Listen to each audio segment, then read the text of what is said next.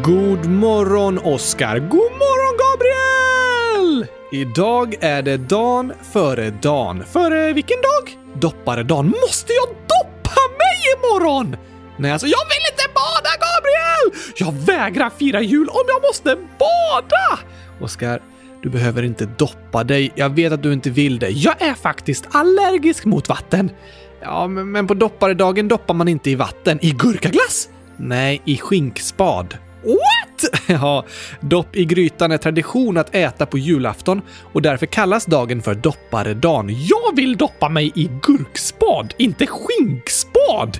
Alltså, människor doppar sig inte i skinkspad utan man doppar bröd. Aha! På min dopparedag doppar jag gurkor i gurkspad.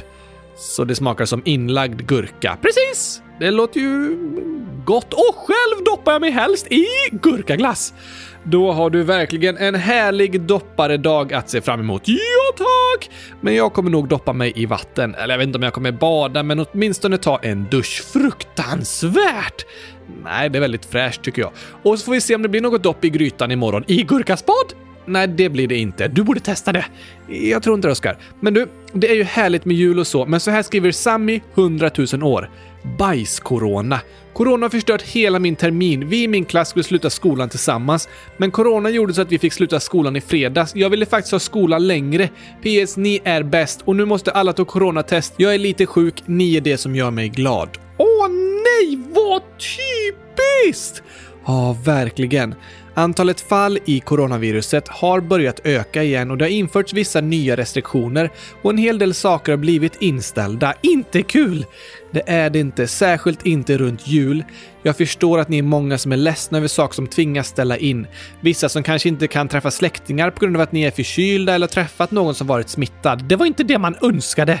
Nej, det var det inte. Men även om julen inte blir som ni hade tänkt er så kan den fortfarande bli bra. Det är tråkigt när saker ställs in, men det betyder inte att allt kommer bli dåligt. Det har du rätt i!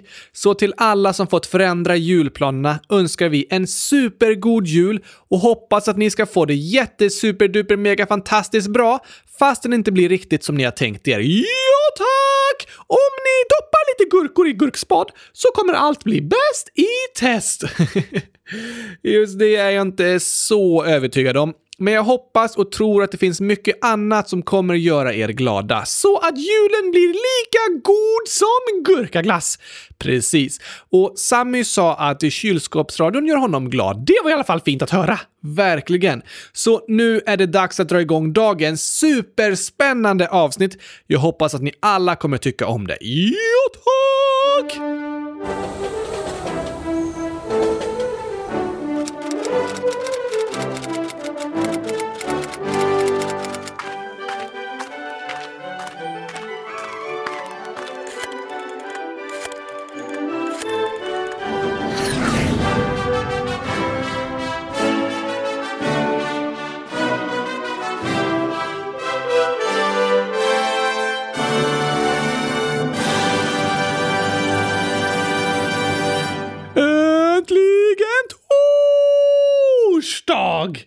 Och äntligen den 23 december och det näst sista avsnittet i historiekalendern. Det är inte äntligen! Nej, sant. Det vore kul om det var 100 000 avsnitt kvar av den, men vi kan väl fortsätta att prata om historiska personer i de vanliga avsnitten också? Såklart, det kommer vi att göra. Och i vår omröstning på hemsidan är det två personer som fått överlägset flest antal röster. Oscar den förste! Han är inte med. Nej. Utan det är dagens person och morgondagens historiska person. Perfekt! Eller hur? Ska vi långt tillbaka i tiden idag? Nej, inte superlångt. Mindre än hundra år, till andra världskriget. Oj då! Det är en tid i historien som vi pratat om i både avsnittet om Raoul Wallenberg och Albert Einstein. Just det! Och vi har ju tidigare pratat om förintelsen och antisemitism här i Kylskåpsradion i avsnitt 100 027. Det är viktigt att prata om! Ja. Det är hemskt, men väldigt viktigt att prata om. Ja, tack! När började andra världskriget? Man brukar säga att det började den 1 september år 1939 när Tyskland invaderade Polen och slutade år 1945. Under de åren var det krig i nästan hela Europa och på många andra platser i världen också. Och samtidigt som det var krig så genomförde nazisterna en förföljelse av judar och andra utpekade människogrupper som skickades till så kallade förintelseläger. Och dagens historiska person är en ung flicka som var en av de miljoner människor som förföljdes av nazisterna. Oj! Så här skriver Signe Hoppsan är bäst, 10 för Oskar, 100 000 år. Kan ni prata om Anne Franks dagbok? Och Nato, Nato Ålder skriver Kan ni prata om Anne Frank från Nederländerna? Jag läser en bok om alla Europas länder och just nu läste jag om Nederländerna och om Anne Frank i boken. Vad spännande! Verkligen. Här kommer dagens historiska person.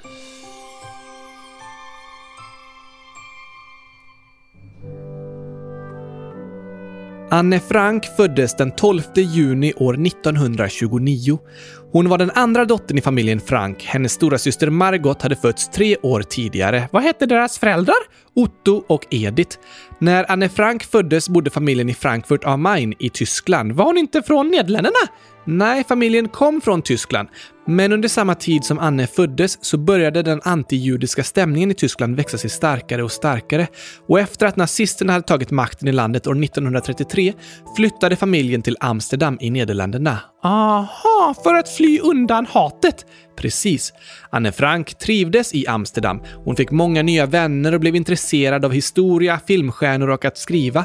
Men det dröjde inte många år innan de som judar skulle bli förföljda i Nederländerna också, som invaderades av nazisterna år 1940. Som i de andra ockuperade länderna tvingades de att bära en gul davidsstjärna och det kom många särskilda regler och förbud. Oj då! När Anne Frank fyllde 13 år, år 1942, så fick hon en efterlängtad dagbok och började skriva i den samma dag. Hennes första mening var “Jag hoppas att jag ska kunna anförtro dig allt, så som jag hittills inte har kunnat anförtro mig åt någon och jag tror att du kommer hålla det hemligt.” Började hon skriva mycket i den dagboken? Ja, det gjorde hon och den skulle komma att bli ett viktigt och väldigt känt historiskt dokument. För mindre än en månad efter Annes 13-årsdag fick hennes mamma Margot en kallelse om tvångsarbete i Tyskland och då valde hela familjen att gå under jorden. Grävde de ner sig? Nej, men kommer du ihåg ifrån avsnittet om Harriet Tubman att gå under jorden betyder liksom att saker sker i hemlighet? Just det! Som den underjordiska järnvägen! Precis. Annes pappa Otto hade ett företag som hade ett hus de kallade för Gårdshuset. Där valde familjen Frank och familjen van Pels att gömma sig. Stängde de in sig? Ja, de lämnade sin lägenhet stökig så det skulle se ut som de hade övergett den plötsligt och Annes pappa Otto skrev en lapp där det skulle verka som de hade flytt till Schweiz. Försökte de luras? Precis. Men istället stängde de in sig i ett hus några kilometer bort i stan och gick in genom en dörr bakom en bokhylla. Var de där i många dagar? I mer än två år. År! Ja, 761 dagar. Hur fick de mat? Ett par av Ottos arbetskollegor, som de verkligen litade på, var några av de enda som kände till gömstället och hjälpte till med att komma med mat och förnödenheter. Aha! Det var väldigt farligt att hjälpa till att gömma människor. Om de skulle bli upptäckta skulle de också dömas till döden. Oj då! Men under andra världskriget var det ändå många människor som var engagerade i motståndsrörelser och riskerade sina liv för att försöka hjälpa sina medmänniskor. Ljus i mörkret! Det kan man verkligen kalla det för. Och så här skrev Anne Frank i sin dagbok, dagen familjen gick under jorden och gömde sig. Klockan tre ringde det på dörren. Jag hörde ingenting för jag låg i en vilstol på verandan och läste. En liten stund senare stod Margot upprörd i dörren. Anne, det har kommit upprop från SS till pappa, viskade hon. Mamma har redan gått till herr Vandan. Vandan är en god vän och medarbetare i pappas firma. Jag blev förskräckligt rädd. Ett upprop! Alla människor vet vad det betyder. Koncentrationsläger. Ensamcell dök upp för mina ögon och dit skulle vi låta skicka pappa. Mamma har gått till Vandans för att fråga dem om vi inte kan gå under jorden redan imorgon. Vandans går med. Då blir vi sju. Gå under jorden? Var ska vi gå under jorden? I staden? På landet? I någon byggnad? I en stuga? Var? Hur? När? Margot och jag började packa ner det nödvändigaste i våra skolväskor. Jag var dödstrött. Fast jag visste att det var sista natten jag sov i min egen säng somnade jag i alla fall genast och väcktes halv sex nästa morgon av mamma. Lyckligtvis var det inte längre så varmt som i söndags. Hela dagen strömmade ett ljumt regn. Vi klädde allesammans på så tjockt som om vi skulle övernatta i ett kylskåp. För vi ville ju ta med oss så mycket kläder som möjligt. Ingen jude i vår situation skulle våga gå på gatan med en resväska i handen. Jag hade på mig två linnen, två par strumpor, tre par byxor och en underklänning. Över det en klänning, så kjol och så jacka och sommarkappa. Mina bästa skor, pampuscher, sjal, mössa och alla möjliga saker. Redan innan jag gick hemifrån höll jag på att kvävas, men det var ingen som brydde sig om. Det måste varit läskigt! Såklart. Ingen visste vad som skulle hända, men familjen Frank gjorde vad de kunde för att försöka överleva det fruktansvärda kriget och förföljelsen. Och Anne fortsatte att skriva om livet i gömstället i sin dagbok. Så här skrev hon en av dagarna. Igår gick vi allihop in på privatkontoret för att ta in England på radio. England? Ja, de kunde lyssna på radiokanaler från England, men det var strikt förbjudet i Nederländerna. Där var det bara tillåtet att lyssna på nazisternas radiokanaler, så de fick vara noggranna med att ingen hörde dem. Oj då! Därför skrev Anne Frank jag var förskräckligt orolig att någon i närheten skulle märka det och bad pappa att följa med oss upp igen. Det pinar mig också mer än jag kan säga att vi absolut inte får gå ut och jag är rädd för att vi ska bli upptäckta och skjutna. Det är en mindre trevlig framtidsutsikt. Idag har jag bara sorgliga och deprimerande nyheter. Våra judiska vänner och bekanta blir bortförda i massor. Gestapo behandlar dem inte precis milt. De lastas in i boskapsvagnar och förs till Västerbrock, det stora judelägret i Drente. Västerbrock måste vara fruktansvärt. För hundra människor har de ett enda tvättrum och alldeles för få toaletter. Man säger att alla sover huller om buller i barackerna. Män, kvinnor och barn. Att fly är omöjligt. Nästan alla från det lägret känns igen genom sina rakade huvuden. Om det är så hemskt här i Holland, hur förfärligt måste det då inte vara där borta, dit de skickas? Vi antar att de flesta blir mördade. Krig är hemska. Ja, verkligen. Och förföljelsen av vissa folkgrupper under andra världskriget var fruktansvärd. Hur gick det för Anne Frank och hennes familj? De bodde kvar i gömstället dag efter dag efter dag efter dag och de behövde hela tiden vara noggranna med att ingen fick se eller höra dem. Det var nog svårt att ha frid och sova gott där. Det tror jag också. De levde under ständig oro. En dag var de nära att upptäckas och då skrev Anne så här i dagboken. Så en kvart i elva hördes ljud nerifrån. Varje andetag hördes. I övrigt rörde vi oss inte. Steg i huset, i privatkontoret, i vår trappa. Ingen andades nu hörbart. Åtta hjärtan dunkade. Steg i vår trappa. Så hördes det rasslande ljudet från vridskåpet. Det ögonblicket går inte att beskriva. Nu är vi förlorade, viskade jag och såg oss alla samma natt bortförda av Gestapo. Men stegen avlägsnade sig. För tillfället var vi räddade. Oj! Det där var det läskigaste jag hört tror jag. Vilka var Gestapo? Det var den statliga hemliga polisen som styrdes av nazisterna. Bland annat letade de efter människor som gömt sig. Aha! Klarade Anne Frank och familjen sig genom hela kriget? Nej, tyvärr gjorde de inte det. Någon gång mellan klockan 10 och halv 11 på förmiddagen den 4 augusti bröt sig Gestapo in i gårdshuset och grep alla som gömde sig där. Nej! Någon hade förrått dem och berättat om deras gömställe. Ingen vet vem, men många misstänker ett magasinbiträde. Även två av dem som hade hjälpt till med att gömma Anne Frank och hennes familj blev arresterade. Vad hände då? Först fördes de till häktet i Amsterdam och senare deporterades de med den sista transporten som avgick till koncentrationslägren i öst. Den sista? Ja. De var väldigt nära att klara sig genom hela kriget i gömstället, men tillsammans med sin syster Margot deporterades Anne Frank till koncentrationslägret Bergen-Belsen, där de dog av tyfus i början av våren år 1945, ungefär en och en halv månad före lägret befriades av britterna. Överlevde någon i familjen? Pappa Otto var den enda som överlevde. Han kom tillbaka till Amsterdam i juni år 1945 och fick lite senare bekräftat att alla hans familjemedlemmar hade dött. Då fick han Anne Franks dagbok av Miep Gies som hade hjälpt till att gömma familjen. Hur fick hon tag på den? Efter att Gestapo hade arresterats gick hon in i gömstället för att försöka hämta värdesaker och då hittade hon bland annat dagboken. Aha! Och år 1947 gav Otto ut Anne Franks dagbok, som kom att bli en av de viktigaste böckerna från andra världskriget. Den har översatts till över 70 språk och filmatiserats flera gånger. Det startades även en stiftelse som byggde om gömstället till ett museum, kallat Anne Frank-huset, vilket miljontals människor har besökt. Det är en viktig berättelse! Verkligen. Anne Franks dagbok är ett barns berättelse om en av historiens mest fruktansvärda händelser som det är viktigt att vi pratar om för att se till att något liknande aldrig händer igen. Just det! Det är en av de mest lästa böckerna i världen och har kommit med på listor över 1900-talets viktigaste böcker. Jag håller med! Jag också. Och det är vanligt att prata om Anne Frank i skolan. Vissa av er kanske till och med har läst eller kommer att läsa dagboken. Har du gjort det? Ja, det finns olika versioner av den, men jag läste den när jag var barn. Den var väldigt berörande och vacker. Krig är fruktansvärda! Det håller jag med dig om, Oscar. På min önskelista står det att det ska bli fred på jorden. Det är verkligen något att önska sig i julklapp. I alla fall något att drömma om. Just det. Och varje stor dröm börjar med en drömmare. Precis. Här kommer sången med vad jag drömmer om i jul.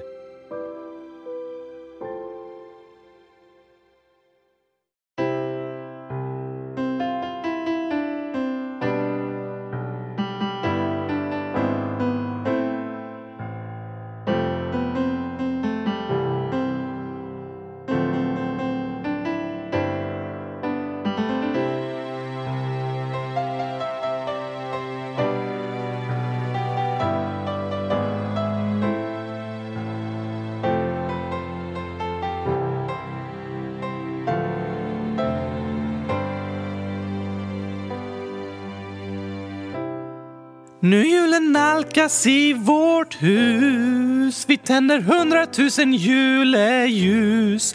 Familjen samlas, trängs ihop. Glädje blandas med klagorop. En del är glada, andra har det tungt. Allt är okej att känna, det är lugnt. Men när julen är här vi drömma kan och hoppas att någon vår önskelista fann jag drömmer om en egen röst. Att ledsna barn ska få tröst.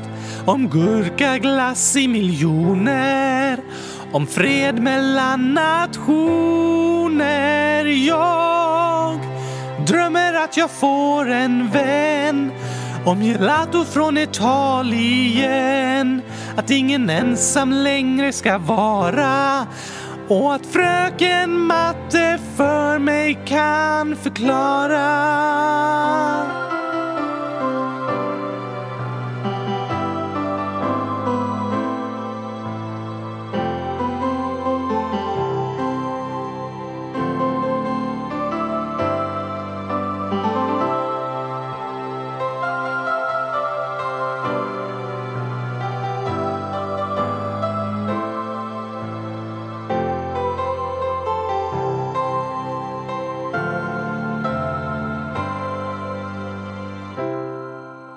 December kan vara mörkt och kallt Både ute och inne kan verka som alla andra har allt medan du kämpar med ett tungt sinne.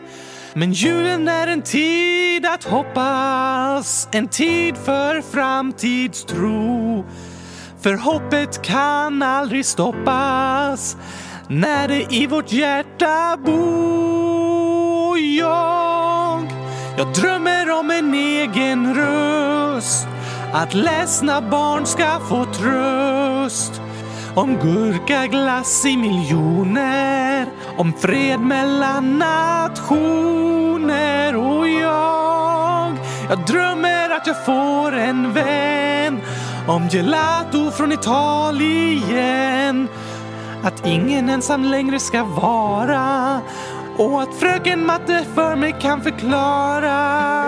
Jag drömmer om att vara glad, att aldrig mer höra ordet choklad, att inte behöva vara orolig och att sommaren ska bli solig. Jag drömmer om att vuxna förstår att jag ska bli mobbad på ett helt år. Det är knappt att jag vågar tro det, men drömmen hos mig består.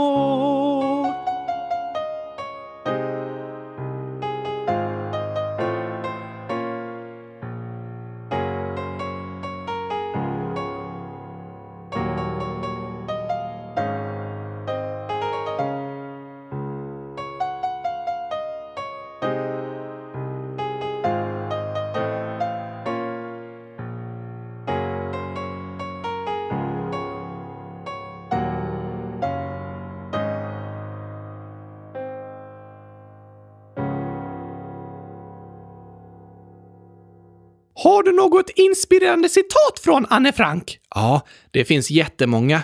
Hon skrev väldigt kloka tankar och reflektioner i sin dagbok. Det finns ingen åldersgräns på att vara klok. Nej, verkligen inte.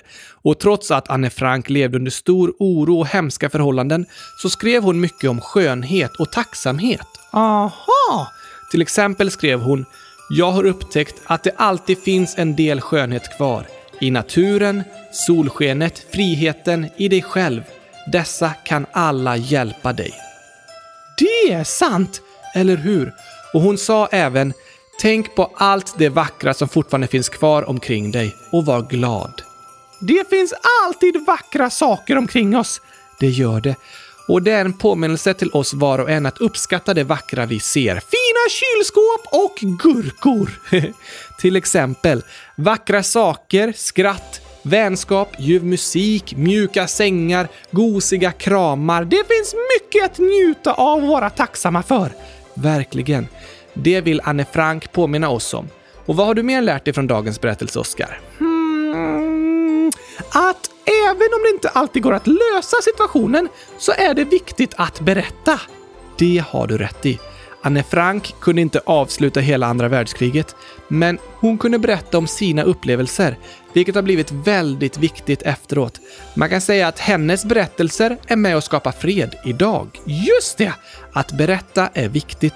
Det kan vara grävande journalister som berättar om förtryck och korruption, en person som vågar berätta om sina känslor för att stötta andra, eller ett barn som berättar om hur en kompis blir mobbad, eller en docka som berättar receptet till gurkaglass. Eh, ja, det också. Du kommer inte alltid kunna lösa alla svåra problem, men ett viktigt steg är att berätta om dem. Det kan vara början på lösningen. Orättvisor måste uppmärksammas och när vi berättar om dem så börjar vi att lösa dem. Ja, tack! Vi får inte vara tysta om att människor blir dåligt behandlade. Att säga ifrån är att bry sig. Precis. Det är en bra lärdom. Det var verkligen en spännande och sorglig berättelse idag. Jag håller med. Därför passade det inte riktigt med dagens skämt mitt i berättelsen. Nej, eller hur? Men nu blir det bra!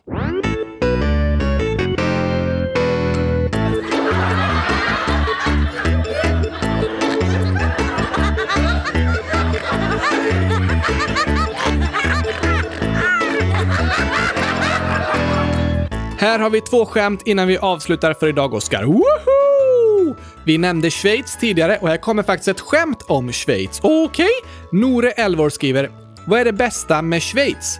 Jag vet inte, men flaggan är ett stort plus. Det är ett plus på flaggan! Just det. Så flaggan är ett stort plus. Tokigt! Verkligen. Sen skriver Alexander, 9 år, ett skämt som vi anpassar till dig, Oscar. Okej. Okay. Varför är Oscar så festlig?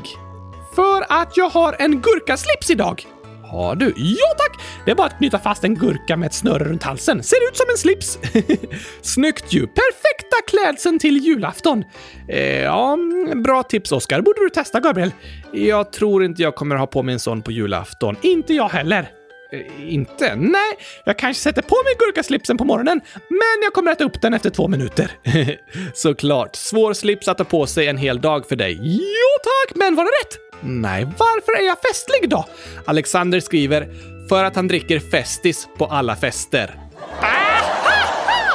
Gurka-festis! Just det, då blir jag festlig. Ja, festis låter festligt. De borde göra gurka-julmust som festis nu till alla julfestligheter. Kanske det ja, bra idé. Och på tal om fest så skriver Nomi, Sessias kusin, 9 år. Jag vill säga grattis till Cessia! Sittarg, sittarg, sittarg, sittarg. Skojar bara. Jag menar grattis, grattis, grattis, grattis i efterskott! Hoppas du fick en bra dag. Hej då! Baklänges sittarg är grattis! Tokigt ju sitt arg. Tack för hälsningen Nomi. Ja tack! Och nu är det dags att avsluta för idag. Nästa gång vi hörs är det julafton! Wow! Det ser jag fram emot. Jag också!